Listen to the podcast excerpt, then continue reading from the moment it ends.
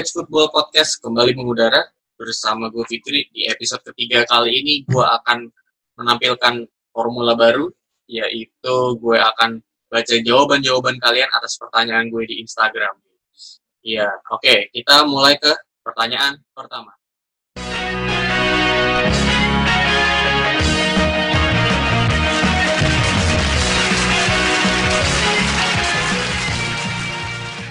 Jadi buat kalian yang mau ikut jawab pertanyaan, bisa banget. Kalian tinggal ke Savage Football double underscore terus follow. Udah cukup itu doang. Terus kalian jawab pertanyaan gue. Tapi random ya harinya ya. Gue gak ngasih tahu. Tapi setiap minggu gue selalu ngasih dua pertanyaan. Oke lanjut. Pertanyaan pertama gue nanya gini. Siapa pemain idaman lo yang gak pernah datang ke klub favorit lo?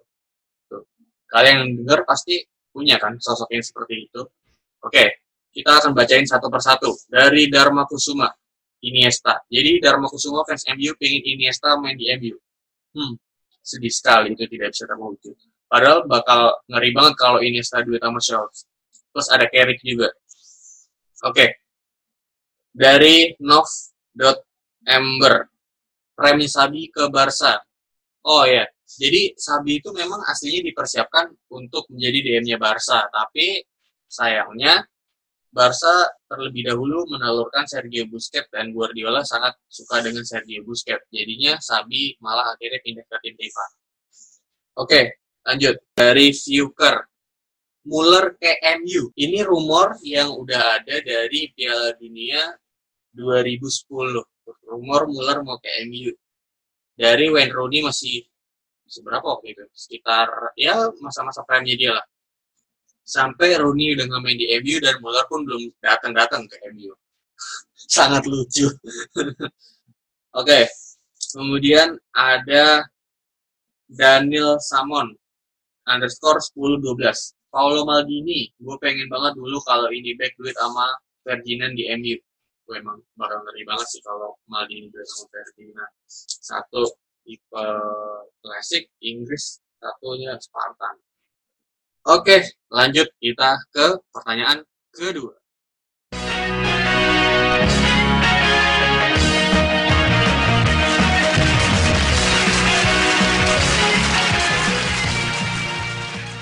Ya, jadi pertanyaan kedua ini sama-sama random. Jadi gue nanya gini, kira-kira kalau kalian jadi pemain bola, kalian pengen jadi siapa? Oke, gue baca. Dari Edit Hazard 10.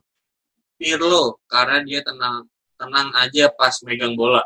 Ya, memang kita akui bahwa Pirlo sangat tenang ya saat mengolah si kulit bundar. Apalagi bisa gue bilang Pirlo itu seniman di atas lapangan. Lanjut, Habil Lukman. Gerard, karena emang posisi idaman gue CM plus Gerard komplit sama pen juara IPL. Sayangnya Gerard belum bisa juara IPL. Dika Bayangkara, Zidane, maestro sejati. Sampai sekarang gue belum lihat pemain dengan gaya bermain kayak dia. Oke, pemain kayak Zidane ini memang bisa dibilang pemain yang lahir jarang-jarang ya dengan bakat seperti Zidane ini. Mungkin ada yang bakatnya seperti Zidane, tapi dia mungkin tidak punya mental dan fisik squad Zidane untuk terus survive di level tertinggi seperti Zidane. Jadinya nggak kelihatan. Oke, lanjut. Dari dari Permadiario Tony Cruz, progres di awal karirnya kesannya underrated sampai sekarang jadi world class. Memang Tony Cruz ini bisa dibilang cukup luar biasa hingga akhirnya dia mencari tantangan ke Madrid dan akhirnya dia membuktikan bahwa dia adalah salah satu gelandang terbaik di satu dekade ini dengan performanya dia. Oke, terakhir dari Egio Ei Goyan Rossi Bambang Pamungkas, karisma dan idealisnya mantap. Oke, Bambang Pamungkas. Akhirnya ada juga pemain Indonesia yang disebut di Savage Football Podcast episode kali ini. Karena gue sudah baca dua pertanyaan tadi, maka selanjutnya kita bakal ngobrol-ngobrol yang lebih serius bersama Dharma Kusuma menganalisa banyak hal. Dari mulai Bundesliga, terus IPL, terus La Liga, dan seri A. Terus stay tune di sini.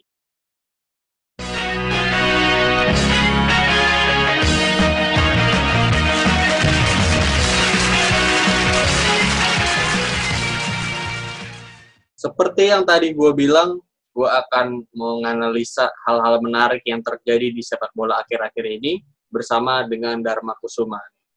Ya, Deka, kalau boleh milih, Halo satu Hmm. pemain yang penampilannya paling menonjol di minggu ini, menurut lu siapa? Dari Di- dari all liga utama di Eropa ya, Gue pilih De Bruyne sih minggu ini. minggu ini. Sama setuju gue juga. gue gue seneng sih liga-liga udah mulai lagi sehingga Iya. tontonan kembali banyak. Tapi ketiga liga lain baru pada mulai, Bayern udah juara lagi. Mari kita analisa kelemahan dari Bayern Munchen. Oke.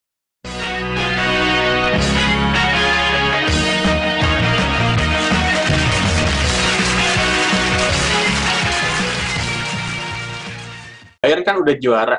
Kira-kira Hmm. sisi mana yang menjadi kelemahan mereka dan pemain mana yang siap menambal kekurangan tersebut? Ada beberapa ya, terutama di pos pertahanan. Bagi gue Bayern ya membutuhkan kiper cadangan atau kiper kedua untuk membackup New Year atau bahkan menggantikan New Year. Nah, kan eh, Bayern katanya udah resmi ya datengin si. Nubel ya.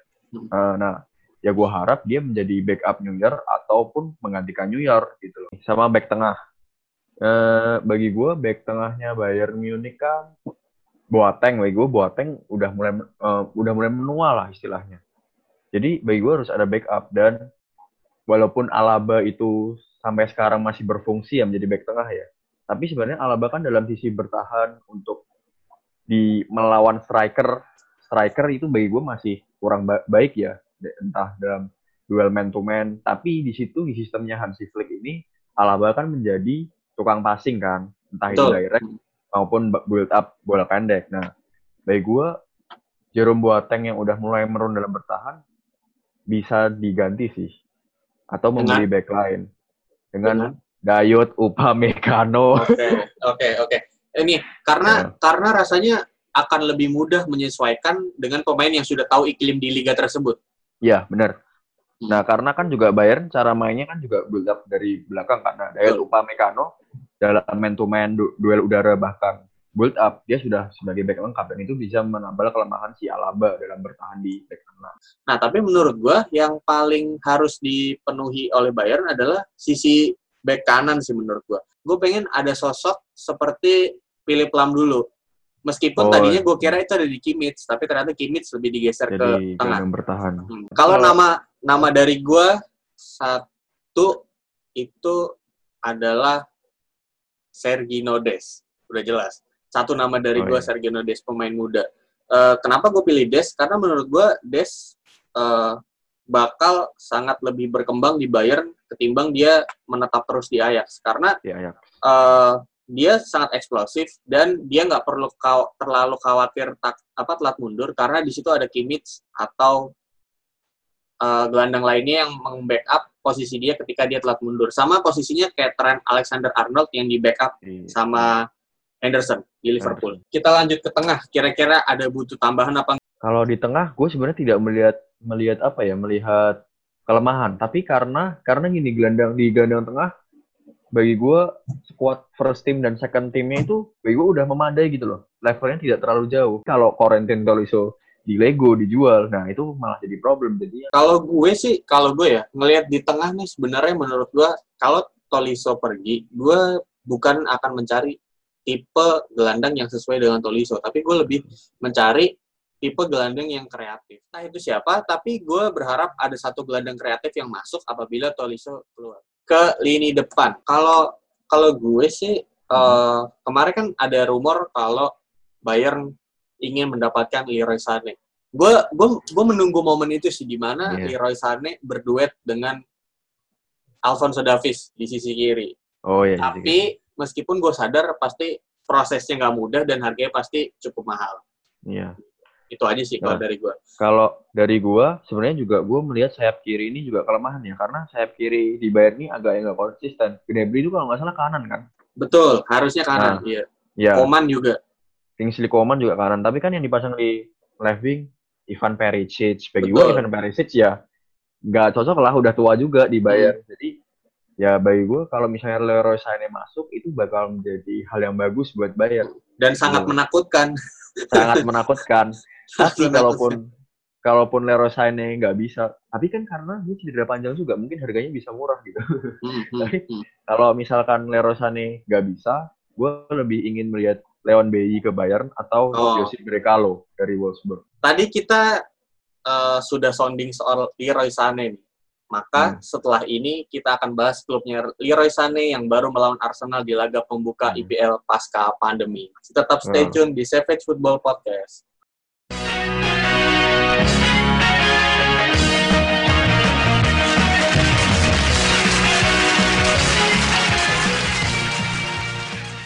Ya, kita akan membahas laga antara Manchester City versus Arsenal. Gue sengaja tidak mengeluarkan postingan di line atau di Twitter. Mungkin Ziv bahas, tapi gue rasa itu tidak cukup detail. Dia lebih Tidak bahas ke detail. pemainnya di Twitter. Nih, menurut lu Dar, City kan gue awalnya sempat yakin City bisa menggagalkan hari kiamat ya, tapi ternyata tidak. Ternyata tidak. Iya, melihat performanya Hmm. lawan Arsenal nih, mereka mereka seperti Bayern yang konsisten atau mereka memang ketemu lawan yang calculate loss aja? Eh, Iya, menurut gue calculated loss. Banyak yang orang yang bilang apa? eh, nah, apalagi di OC ya, pada bilang apa namanya Arsenal kalau misalkan David Luiz eh, Iya. nggak di Gua kartu nggak nggak di kartu merah, kayaknya bakal bisa menang lawan City. Nggak, nggak ada. Gua, enggak ada. dari dari awal, loss. iya dari awal emang City superior lawan Arsenal. Kita bisa lihat lah dari permainan sebelum bahkan sebelum David Luiz masuk ya. Hmm. Bagi gue Bayern bermain counter press seperti biasanya, terus juga mendominasi laga. Lalu juga mereka melakukan banyak variasi serangan kan dari yang awalnya build up-nya kayak tengah tusuk ke eh, apa dari sayap terus tusuk ke tengah itu nggak nggak kelihatan. Eh, Hmm.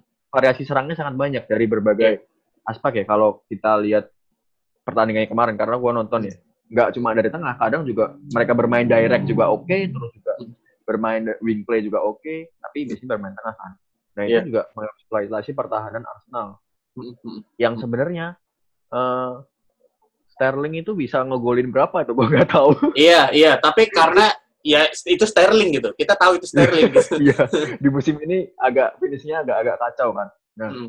si, si untungnya David Luiz blunder kan. Berarti Sterling sebelumnya kan sebelum momen itu yang David Luiz membuka pertahanan yang sangat luas itu Sterling sebenarnya bisa tuh yang di Iya. sebelum gol pertama. Terus juga tapi yang gue salut adalah Eric Garcia. Eric Betul. Garcia bermain luar biasa dan bermain solid di pertahanan. Hmm. Eh Nketiah digagalkan, Aubameyang digagalkan, tapi ya ya itu sih kalau dari gue pembahasan Manchester City gitu. Iya. Eh, Superior. men- menarik. Tadi kan lu bilang Eric. Garcia. Hmm. Gue udah udah dari dari eh, semenjak Stones nggak meyakinkan ya. Gue udah bilang bahwa ini waktunya Eric Garcia untuk dapat menit bermain. Dan orang banyak yang bilang, iya dia terlalu muda, dia nggak tinggi tinggi banget. Emang bisa main di IPL gitu-gitu bla bla bla. Iya. Dan menurut gue gini ya, simpelnya gini. Kayak Marcus Rashford aja deh, kalau dia nggak dikasih kesempatan sama LVG, gue nggak ya, gue yakin dia nggak bakal sampai di level dia sekarang gitu sebagai pemain Iya, muda. Iya dan itu gue rasa harus dirasakan oleh Eric Garcia. Mau dia blunder kayak gimana pun, dia harus main. Dia harus Iya. ngerasain atmosfernya, jangan cuma duduk di bangku cadangan doang. Bahkan gue sempat berkali-kali ngekritik Pep, Pep itu cupu lah, kerasukan Valverde lah dan segala macam Iya. karena dia nggak berani mainin Eric Garcia. Padahal kita tahu Otamendi mainnya jelek banget, ya kan? Dan Fernandinho menurut gue sudah kemakan usia lah untuk jadi CB dan di Hmm. IPL ya. Iya. Iya. Nah, satu hal yang menarik menurut gue ini dengan adanya Eric Garcia adalah si Ederson jadi menurut gue jadi bebas banget. Memang dia yang bikin cedera si Garcia juga, tapi dia jadi bebas. Iya kemarin. Aneh-aneh aja Ederson. iya, iya. Dia jadi jadi bebas. Gue beberapa kali lihat video cuplikan videonya dia eh apa namanya benar-benar kayak Ter Stegen sekarang di di Barca lah. Dia lebih apa namanya langsung ngarahin bola ke depan. Tapi benar-benar dia tahu gitu posisinya. Misalnya yang kosong Kevin, dia udah udah langsung tahu gitu sih. Hmm. itu yang menurut gua gue seneng soalnya menurut gua salah satu alasan kenapa City ketinggalan jauh selain line up build up mereka buruk banget musim ini menurut gua Iya. Hmm, bener. Ka- Kalau menyambung dari Ederson tadi ya, bagi gue Ederson ini kar- eh, orang-orang bilang apa? Dia itu cuma bisa passing doang, nggak bisa save. Bagi gue enggak lah. Ederson dari awal emang gue melihat dia sosok yang goalkeepingnya bagus gitu. Hmm. Walaupun di musim ini menurun karena squad City semua menurut gue menurun semua lah. dari Fernandinho yang awalnya luar biasa musim sebelumnya Hmm. sekarang karena krisis center back kan di situ dan finishingnya emang buruk City musim ini tapi musim eh tapi menghadapi Arsenal kemarin bagi gua terlalu mendominasi dan superior lah nggak ada Iya. peluang Arsenal emang kemarin Iya, iya udah calculate loss. Gue juga udah Iya. yakin sih dari awal nonton laga. Iya, tapi ini kalau menurut gue tidak terlepas dari Guardiola sih yang bisa bikin anak asuhnya bersemangat ya meskipun kalau mengejar gelar juara kayaknya udah mustahil. Iya. padahal gua Iya. mendukung loh Nah, ngomong-ngomong ngomong-ngomong soal Guardiola nih, memang treatment yang dilakukan oleh Guardiola ini membekas lama dan yang paling fenomenal adalah Messi. Kita Hmm. akan bahas performa Messi minggu ini. Tetap stay tune terus di Savage Football Podcast.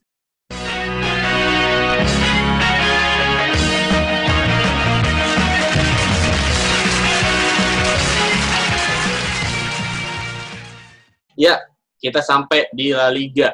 Tapi karena laganya main tiga hari sekali dan pertandingannya banyak sekali, jadi gue pengen nanya satu pemain nih yang udah mendominasi La Liga hampir satu dekade ini, yaitu Lionel Iya. Messi. Ya, menurut lu Messi minggu ini performanya gimana? Karena banyak orang yang bilang Messi apa namanya Messi eh, cenderung marah, cenderung kesel ngeliat rekan-rekannya yang kayak begitu. Hmm. Lo kalau lu nggak sendiri, Messi maksimal nggak sih minggu ini? Kalau di minggu ini ya, di minggu ini sebenarnya dia sangat bagi gue sangat maksimal tapi dia didukung rekan-rekannya ya.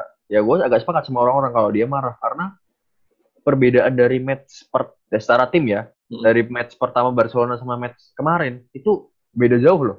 Apa Hmm. namanya kayak passing-passingnya yang ke mana, terus habis itu yang temponya lebih lambat. Bahkan bagi gue Leganes itu sebenarnya bisa cetak lah di Iya. awal-awal laga itu lewat counter attack-nya. Nah, eh, Messi bagi gue tetap bermain luar biasa. Messi is Messi bahkan eh, dia juga dribbling sendiri pun lawan Leganes juga dihancurin kan sebenarnya pertahanannya dia. Betul.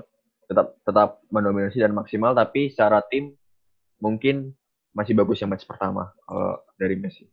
Iya, gue gue sepakat sama lo karena gini. Ini kita bicara sedikit as a team ya. Karena gue udah Hmm. bilang dari musim lalu bahkan bahwa Ivan Rakitic sudah nggak layak main dan dan dia ada di tengah cuma memperlambat tempo permainan doang. Gini, kalau ada Benar, orang kalau ada orang nyalahin Busquets ya, gue sih gue sih gini ya. Kalau gue. Ah ada kan, ada. Nah, gue kalau gue sih gini ya. Gue gue melihat dari dua sisi. Positifnya Busquets itu selalu bisa menawarkan opsi di mana pemain lagi di mana pemain lain buntu. Itu Hmm. selalu bisa dia tawarkan. Dan negatifnya adalah menurut gue Busquets ini menurut gue kayak gagal move on dari Xavi Iniesta gitu loh. Dia tuh kayak nggak percaya sama siapa pun Oh, iya. yang main di depan dia. Ini nggak cuma ke Rakitic, nggak cuma Arthur, nggak cuma Frankie. Menurut gue Busquets itu cenderung hanya lebih percaya kepada Messi.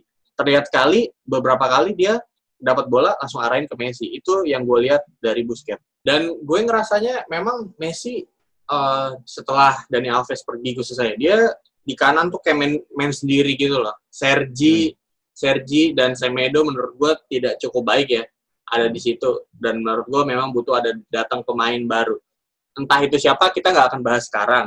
Tapi gini, Hmm. tadi kan kita udah ngomongin Messi nih, nggak adil rasanya kalau kita nggak nyinggung liga dari rivalnya yaitu Cristiano Ronaldo. Kali gue udah nerima pertanyaan-pertanyaan kalian di Instagram dan setelah ini gue Hmm. akan jawab bersama Dharma Kusuma di sesi selanjutnya. Oke. Stay tune terus.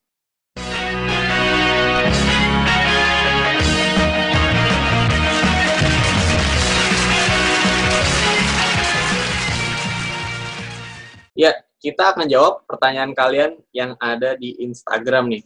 Ya. Pertama dari Ed Habil Lukman, pelatih yang cocok menggantikan Sari. Komposisi pemain yang pas untuk Juventus dengan budget transfer yang sesuai. Hmm. Kalau lu dulu apa gua dulu nih? Hmm, lo dulu deh. Oke, kalau dari gua eh, sebenarnya Sari itu nggak nggak nggak usah diganti sih di Juventus yang di mana Juventus sebelum-sebelumnya lebih memainkan filosofi yang apa pragmatis ya, permainan pragmatis dengan ala bertahan gitu kan. Dan malahan Sari ini membangun filosofi yang berbeda di Juventus yang sebenarnya ini dibutuhkan oleh Juventus gitu. Tapi gua lihat juga pemain-pemainnya kayaknya ada beberapa yang nggak mau dengan cara mainnya Sari gitu. Dengan kedatangan dia, dia menambah warna baru yang mengentertain Juventus lah. Tapi gue setuju dengan kata-kata lu di mana ada beberapa pemain yang kayaknya nggak suka dengan gaya bermain ini. Dan mereka masih ada di comfort zone masa-masa Allegri. Tapi kalau disuruh ngasih Hmm. pelatih yang cocok ya dengan dengan visinya Juventus, jujur gue gue gue nggak bi- nggak bisa ngasih orang gitu loh. Kayak siapa sosoknya Bener, gitu. Karena karena menurut gue karena menurut gue Juventus ini klub yang stuck gitu loh. Kayak mereka mereka udah sadar nih mereka ada di apa namanya di era baru ya era yang modern. Tapi mereka nggak ada Hmm. intensi untuk merubah gaya bermain karena mereka terus juara salah satu satu satunya cara menurut gue Iya. adalah mereka berhenti juara baru mereka tahu mereka salahnya di mana kalau budget trans eh ini komposisi pemain yang Komposisi pas pemain. Kalau- banyak sih gua Ya banyak, sih. banyak gue juga. banyak sih banyak yang harus diperbaiki kalau gue. Kalau dari gue sebenarnya harus baca di line Savage Football yang pernah Iya. gue bahas. Iya, udah ya. Habil Lukman udah Oke. kita jawab. Oke, lanjut. Dari Adrian Divano. Tepat nggak sih mengganti Allegri jadi Sari sebagai pelatih? Kalau dari gua tepat untuk apabila Juventus ingin bermain be- membentuk filosofi bermain menyerang dan juara Liga Champions. Bagi gua sangat tepat. Walaupun Allegri sempat beberapa kali hampir menjuara Liga Champions, tapi ketika menghadapi tim yang berkualitasnya lebih baik secara menyerang maupun bertahan seperti Real Madrid, zaman Zidane atau Barcelona, jelas langsung kalah kan nyatanya karena ya itu karena Allegri cuma mengandalkan permain pra- pragmatis saja gitu Hmm. dari gua. Kalau menurut gue sebenarnya tepat, tapi eh, manajemen Juventus itu apa namanya menyiap apa menstabilkan ego pemainnya juga apa enggak? Karena kan seperti bahasa kita Hmm. sebelumnya, ada beberapa pemain yang memang kelihatannya nggak suka main dengan gayanya Sari gitu. Ini Hmm. harusnya manajemen ngomong ngomong hal ini kalau penggantinya si Sari dan dia akan bermain seperti ini gitu. Kalau lu nggak Iya. mau ya lu silakan pergi gitu. Jangan Iya, benar. cuma jadi racun di ruang ganti gitu kan. Hmm. Dan gue setuju sama pendapat lu kalau mau juara Champions League nggak bisa pakai cara Allegri. Iya. Karena walaupun beberapa kali juara, eh beberapa hampir juara ya bak- bakal kalah sama tim yang kualitas lebih baik. Betul. Sama sa- tapi kekurangannya Sari, gue cuma satu ya, cara permainan juga. Kadang dia nggak punya plan B sama terlalu keras kepala untuk menggunakan plan E-nya dia. Gitu Iya, dari. betul. Betul. Hampir sama kayak dia di Chelsea ya. Iya. Oke, pertanyaan selanjutnya dari Bihan underscore Alzam. Savage Football setuju nggak kalau Ronaldo memang best player Serie A? Enggak sih. Gue enggak sih. Kalau dari gua Ronaldo Ronaldo bagus, iya di Juve bagus, bagus ya dalam kutip bagus saja ya. Cuma kalau memenangkan best player Serie A ya enggak, tapi kalau misalnya gua mau- dalam berpandangan yang berbeda ya. Kalau misalnya Serie A memang reputasinya ingin naik secara marketing ma- naik, Iya. ya Harus Ronaldo. Ronaldo memang.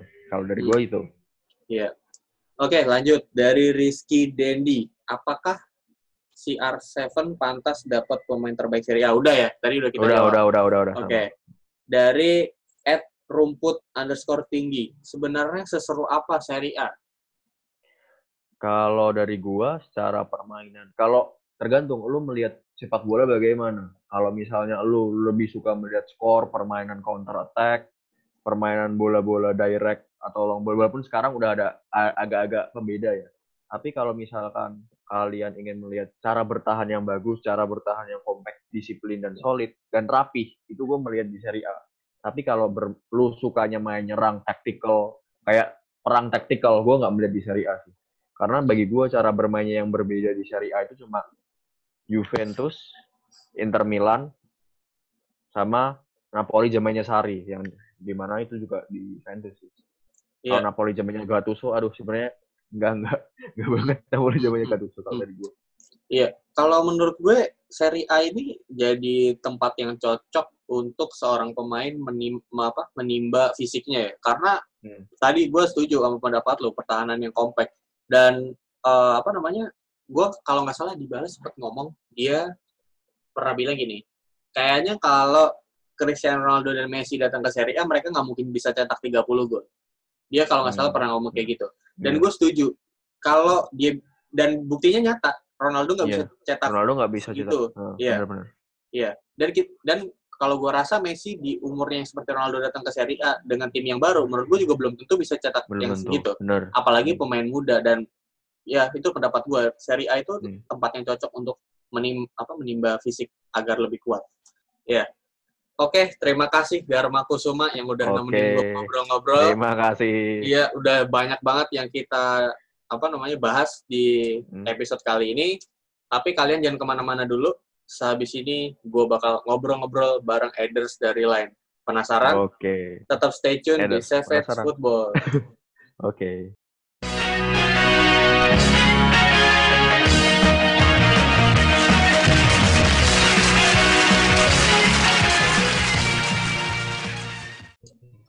Seperti yang tadi gue bilang, gue bakal ngobrol-ngobrol dengan salah satu Eders nih. Yang kebetulan bernama Dimas. Halo Dim, Halo, kita sebelum ngobrol terlalu jauh, kita bakal apa ngasih tahu dulu nih. Lu dari fans klub apa? Liverpool. Wih, Liverpool yang mau juara ya. Jadi juara apa enggak sih sebenarnya? Ya pasti juara lah. Salah satu pertandingan menang doang. Oke, Kali nggak juara. kita di sini bukan akan menganalisa Liverpool bakal juara atau enggak atau gimana. Kita Oke. ngebahas saja uh, beberapa hal dari lu sendiri sebagai fans Liverpool nih. Menurut lu, Hmm. pemain underrated di Liverpool itu siapa dan yang overrated itu siapa? Karena kan gue sering bilang kalau IPL itu kan liga overrated ya. Kesorotan medianya Oke. banyak banget. Ah.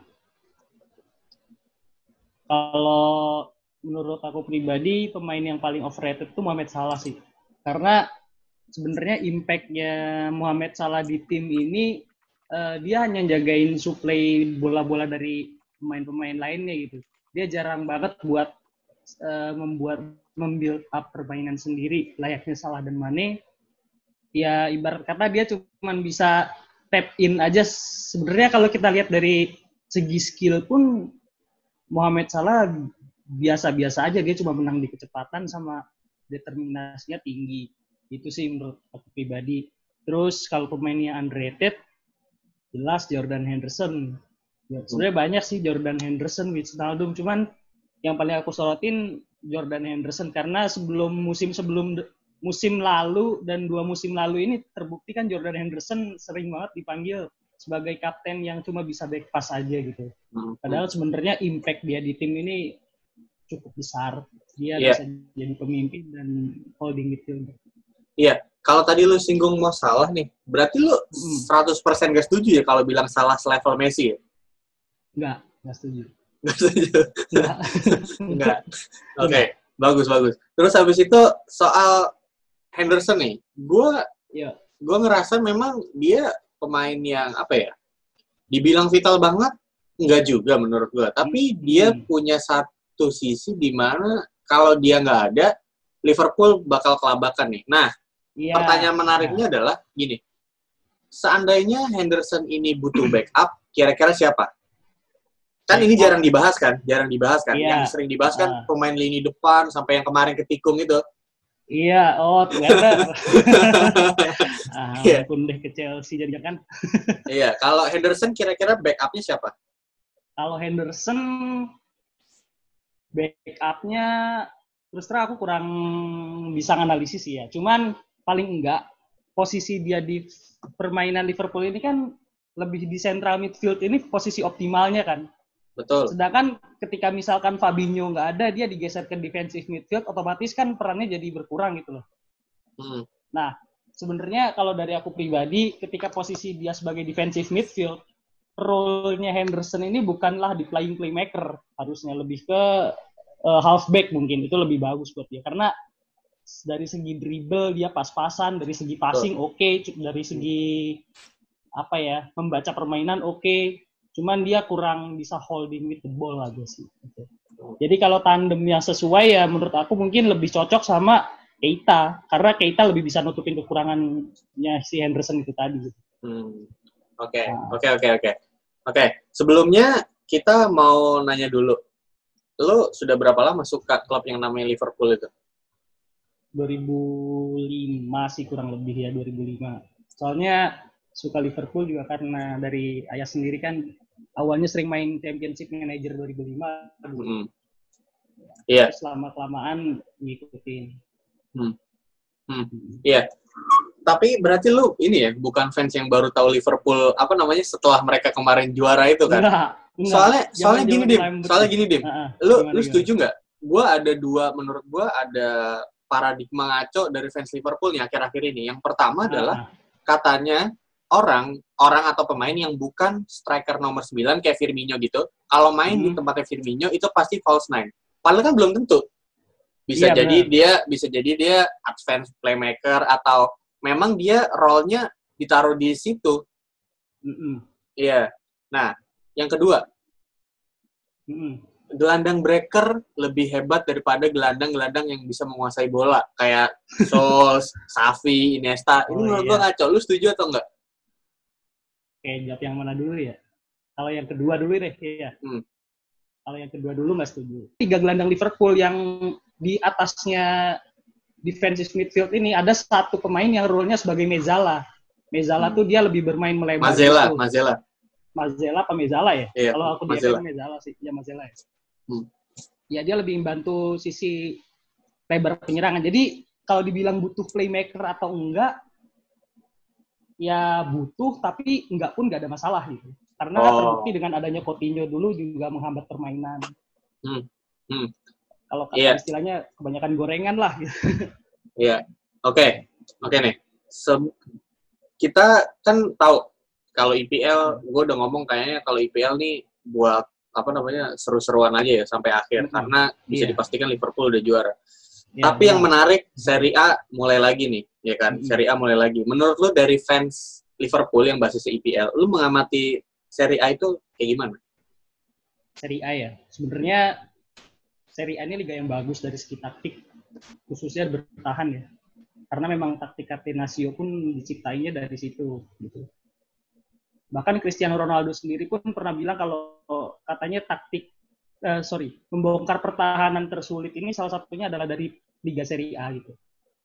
Ya sebenarnya menurut aku Liga Serie A ini hanya liga yang kurang sorotan aja sih. Mungkin dari segi taktik pun sebenarnya dari segi prestasi ya nggak basi. Ya segi prestasi segi taktik nggak kalah dari tim Liga Inggris. Bahkan bisa Hmm. dibilang AC Milan sendiri kan prestasinya masih di atas Liverpool dan MU di Liga Champions. Betul, Iya kan? betul. Hmm, Nah, hmm. Iya. cuma mungkin mereka butuh kayak pembaruan taktik aja sih di liga mereka. Oh iya. Karena pelatih yang masuk ke situ pun juga kurang. Hmm, hmm. Berarti sedikit ini ya revolusi sepak bola dari Serie A-nya ya. Iya betul. Mm, Hmm. Dari ya gitu. Oke, nih ada nggak pemain dari Serie A yang pengen lu masukin ke klub favorit lu yaitu Liverpool? Kalau ada siapa dan bagaimana? Apa alasannya gitu? Kenapa lu pengen dia? pengen dia dulu sih kalau sekarang rumor yang gencar kan Kalido Kolibali itu sebenarnya aku nggak terlalu tertarik sih sebenarnya tapi kalau boleh bilang sih Andrea Petakna ya dulu di FF 2014 dia wonderkid banget dan begitu aku lihat di YouTube skill-skillnya juga oke dan kebetulan tahun-tahun segitu 2013-14 itu waktu itu Liverpool masih butuh striker kan dari kehilangannya Luis Suarez waktu mau juga gagal juara itu Hmm. 14-15 kalau nggak salah karena alasan Andrea Petakna tuh dia tipe striker yang mirip sama Filippo Inzaghi gitu, predator depan Oh, oke oke. Jadi dia Dan bisa bisa- memberikan opsi tambahan kalau Bobby deadlock ya. Yo, Iya. Tapi kalau yang Ya. aktif nih, yang aktif main di Serie A musim ini, lo ada nggak satu nama? Seri A satu nama. Mungkin Insigne ya. Insigne. Oh, kenapa? Insigne. Ya pelapisnya Mane gitu. Karena sebenarnya aku nggak terlalu suka sama Salah sih. Oh, Jadi ya mungkin apa namanya Insigne bisa lebih punya skill dribbling, punya skill berani nusuk, Hmm. Buat bawa bola lebih lama lagi. iya Mungkin iya. bisa jadi round better lah ya, kayak Thomas Oh. Muller gitu. Hmm, hmm. Oke, ini kan ada Deka juga. Kira-kira Deka ada pertanyaan nggak ke fans Liverpool ini selaku fans MU? Silahkan. ya udah. Pertanyaan gini, apa nih? Eh, untuk fans Liverpool, Oke, eh, siapa pemain MU yang ingin dimasukkan ke Liverpool? Nggak ada. Phil Jones. Aduh. Beneran nih, beneran nih. Iya beneran beneran beneran. Oh beneran. ya, main Hmm. MU. Mungkin McTominay ya, Oh McTominay. Kenapa tuh? McTominay. McTominay karena dia gelandang komplit sih menurut aku sendiri. Gelandang Dari komplit. sisi, oh iya. Dari sisi bertahan menyerang dia bagus gitu menurut lu. Iya, dan lagi masih Oh, muda oke. gitu. Sebetulnya Oh. Ronaldo juga udah tua. Kalau dari gua Liverpool pemain Liverpool yang PMU Virgil van Dijk Jangan dong. biar Jangan dong. biar dia nggak kecapean sama Klopp Iya. Nggak pernah dirotasi Iya sih gila parah banget Klopp, kalau udah pasang taktik gak kira-kira. Iya. Kan udah ada Phil Jones gak sih MU? Oke, mungkin Iya. itu aja edisi kita ngobrol-ngobrol minggu ini. Makasih banget Dim udah ngeluangin waktunya. Iya, sama-sama. Iya, berarti kapan-kapan lo nggak kapok kan kalau di Seven Football itu ngobrol-ngobrol lagi? Oke, santai bisa. Oke, Seneng siap. banget, seneng banget. Iya, iya. Oke, jadi bagi kalian yang mau seperti Dimas ngobrol-ngobrol bareng kami di sini, bahas-bahas tenang, nggak bakal diserang di sini tuh nggak bakal diserang, tenang aja, tenang aja gitu, tenang aja di sini bebas. Lu mau berpendapat kayak apa bebas. Kalau mau apa daftar silakan PC aja Kak Oa ya. Coba tunggu. Oke, okay, terima kasih Dim, terima kasih Deka. Sampai jumpa okay. di episode-episode lainnya. Dadah.